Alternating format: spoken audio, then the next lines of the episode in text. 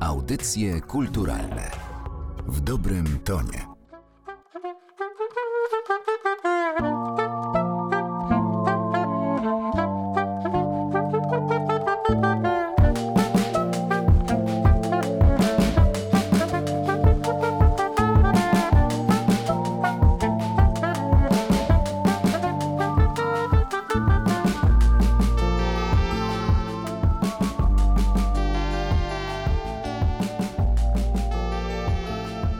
Martyna Matwiejuk, słuchają Państwo audycji kulturalnych. Dziś ze mną jest Kuba Więcek, producent, kompozytor, saksofonista. Dzień dobry.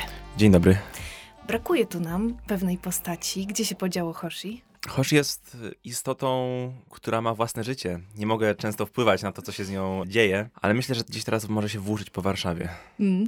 Tym z Państwa, którzy nie wiedzą, wytłumaczmy, że Hoshi to jest przybysz z innej planety maskotka twojego nowego projektu muzycznego, jeśli mogę tak powiedzieć, kwartetu, do którego zaprosiłeś Grzegorza Terwida, Maxa Muchę oraz e, Miłosza Bardzika.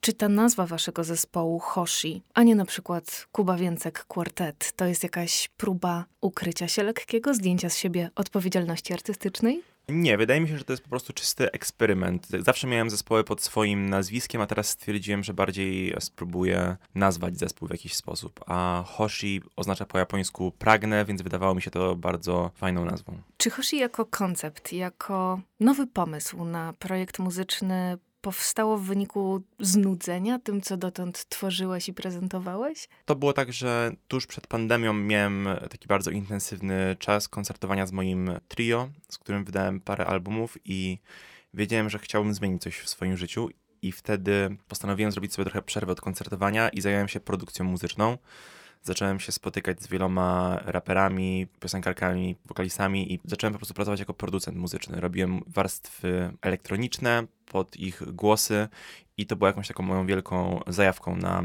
na ten moment przez ostatnie lata, ale tak nieco ponad rok temu zaczęło mi trochę brakować możliwości koncertowania i stwierdziłem, że chcę nagrać album z, ale to musiał być album, który by właśnie reprezentował to, kim byłem muzycznie w danym momencie, ponieważ muzyka, którą nagrałem wcześniej, instrumentalna, była już dla mnie trochę przestarzała, a w tamtym momencie po prostu słuchałem innych trochę rzeczy i Hoshi jest taką odpowiedzią na to, kim dzisiaj jestem muzycznie.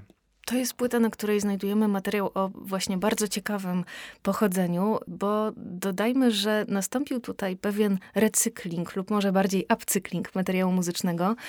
Bity, które stworzyłeś z myślą o raperach, zaaranżowałeś właśnie pod kwartet jazzowy. Czego w praktyce wymagał od ciebie ten pomysł? Bo to jest w e, pewnym sensie odwrócenie roli kompozytorskiej. Tak, no przede wszystkim była to walka e, z tym, że Jestem osobą, która ma dosyć duże ADHD i właśnie często w swoich utworach używam bardzo różnych elementów, często skomplikowanych, a tutaj chciałem stworzyć muzykę, która będzie miała w sobie trochę mniej elementów i chciałem z tych prostszych elementów zbudować wciąż ciekawą muzykę. To po prostu była jakaś taka walka z samym sobą, żebym mógł może troszeczkę dłużej zastanowić się nad pewnymi elementami muzyki.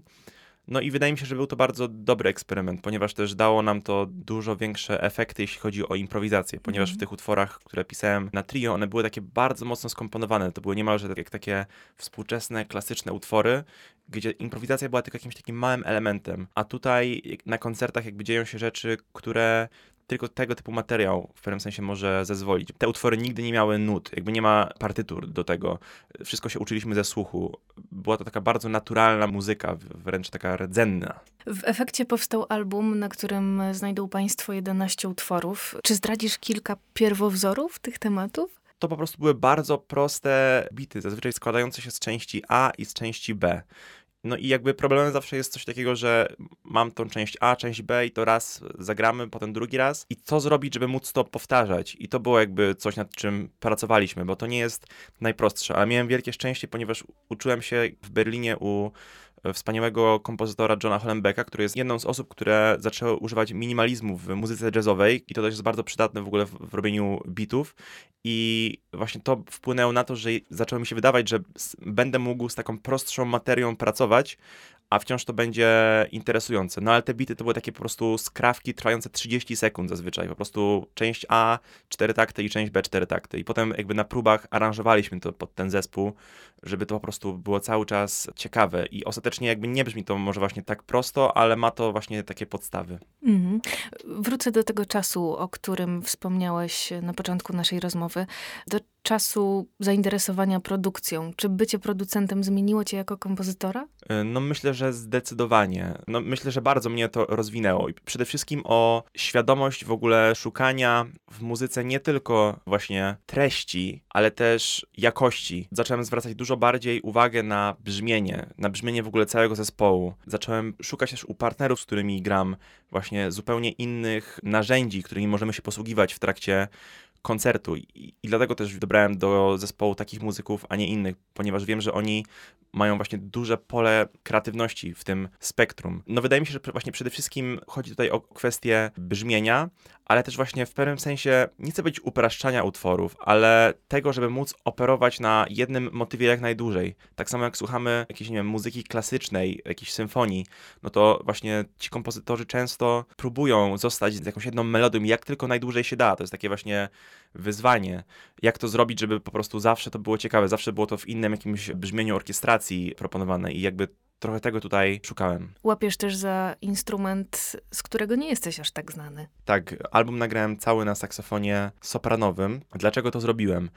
Wydaje mi się, że po prostu dlatego, żeby spróbować czegoś innego, bo cały w ogóle ten projekt, okres ten, to jest moja próba wyjścia z mojej jakby przeszłości. Chciałem trochę zupełnie się odświeżyć, no i wziąłem saksofon sopranowy, na którym gram trochę prawdopodobnie gorzej niż na altowym, ale też zacząłem zauważać, że ja wcale nie potrzebuję nie wiadomo jak grać, że cała ta muzyka jest bardziej we mnie niż w moich palcach, które operują saksofonem. No i też jest to jakaś w pewnym sensie inspiracja, to, że jestem lekko ograniczony, to że może nie mam aż takiej kontroli nad dźwiękiem, uważam to za jakiś wielki atut i źródło inspiracji. Łatwe jest nudne, łatwe nie lubię, mówiąc y, za szczylem. Jak cię tak słucham, to myślę, że cały czas kombinujesz, w którą stronę by się tu rozwinąć, co zacząć, coś nowego, co poświęcić. Co jest teraz w tym momencie dla ciebie synonimem tego rozwoju muzycznego? W ogóle album już jest nagrany od pewnego czasu i już od paru miesięcy zajmuję się głównie w ogóle myśleniem nad tym, jak to wydać i też, żeby to miało po prostu jak najlepszy efekt. I bardzo ważną rzeczą a propos tej płyty jest to, że jest poza samą muzyką rozwinięty cały taki aspekt wizualny. Wymyśliłem całą koncepcję. Jest, teraz w czwartek będzie premiera jeszcze jednego e, klipu, co daje nam w sumie łącznie pięć klipów i w ogóle to jest coś, co mnie bardzo kręci, czyli jakby aspekt właśnie wizualny, ale też w ogóle jakoś przedstawienia tego całego projektu ludziom, którzy po prostu będą tej muzyki słuchać, bo nie wiem, jest właśnie taki wspaniały raper, którego uwielbiam, się nazywa Tyler the Creator i on właśnie w swoich klipach, można powiedzieć, że był dla mnie dużą inspiracją, bo jego klipy to nie są do końca właśnie od jeden do jednego utwór, tylko jest jakaś tam scenka, potem jest chwilka muzyki, potem jest znowu scenka i jakby przedstawienie w ogóle całości jako takiej właśnie opowieści, takiego filmu, wydaje mi się, że jest tutaj czymś, co mnie bardzo kręci i mam już pomysły na kolejne albumy. To nawet nie są w ogóle pomysły muzyczne, ale same narracyjne, co się później wydarzy z Hoshi. Czyli rozumiem, że się dobrze czujesz w butach wydawcy. Bardzo się dobrze czuję i jest to wielka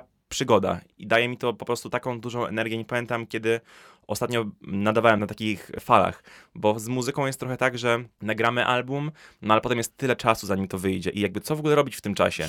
Można o, o, oczywiście myśleć już o nowej muzyce, co robię cały czas, ale tutaj po prostu mam nowe zadania do roboty, w których się bardzo dobrze odnajduję.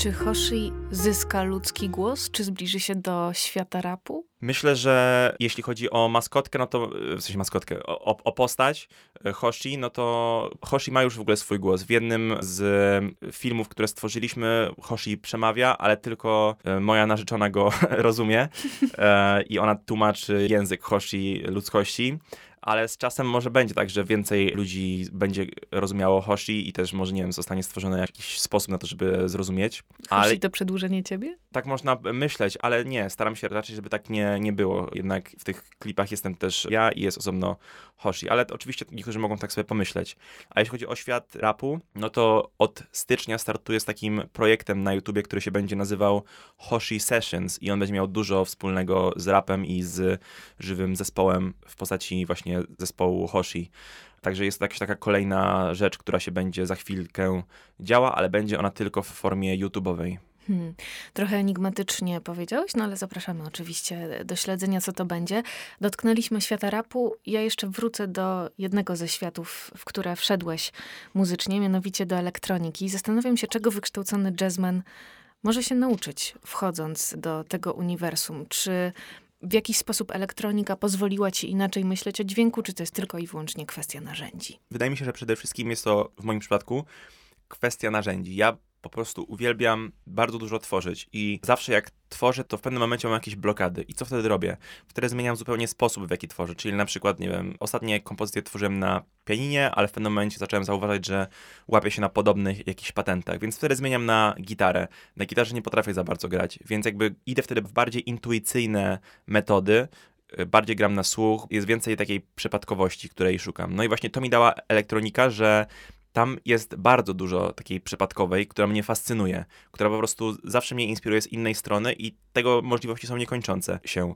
Ale oczywiście ma to też swoje minusy, ale na szczęście, tak jak właśnie powiedziałaś, jestem jazzmenem, więc mogę próbować cały czas z tych dwóch różnych stron trochę do tego świata muzycznego wchodzić. No ale elektronika mnie bardzo rozwinęła, no przede wszystkim w tych aspektach dźwiękowych, o których e, mówiłem wcześniej, no bo jest dużo rzeczy, na które na, naprawdę nie zwracałem uwagi, a które mają kolosalną różnicę.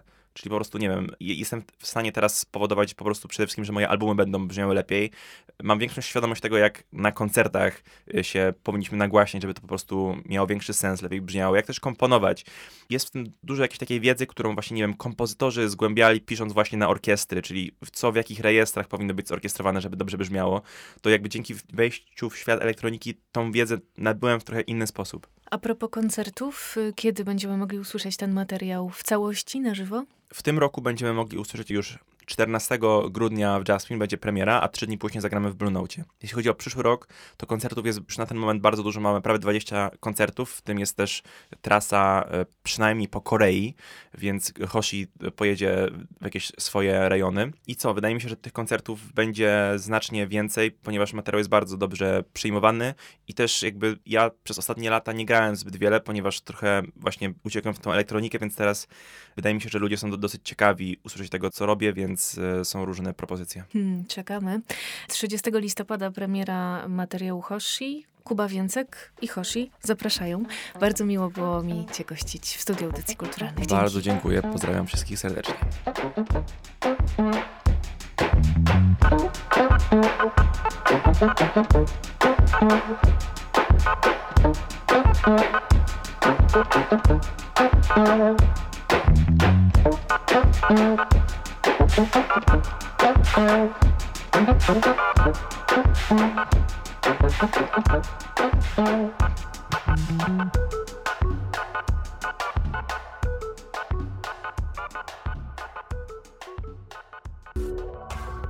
Audycje kulturalne w dobrym tonie.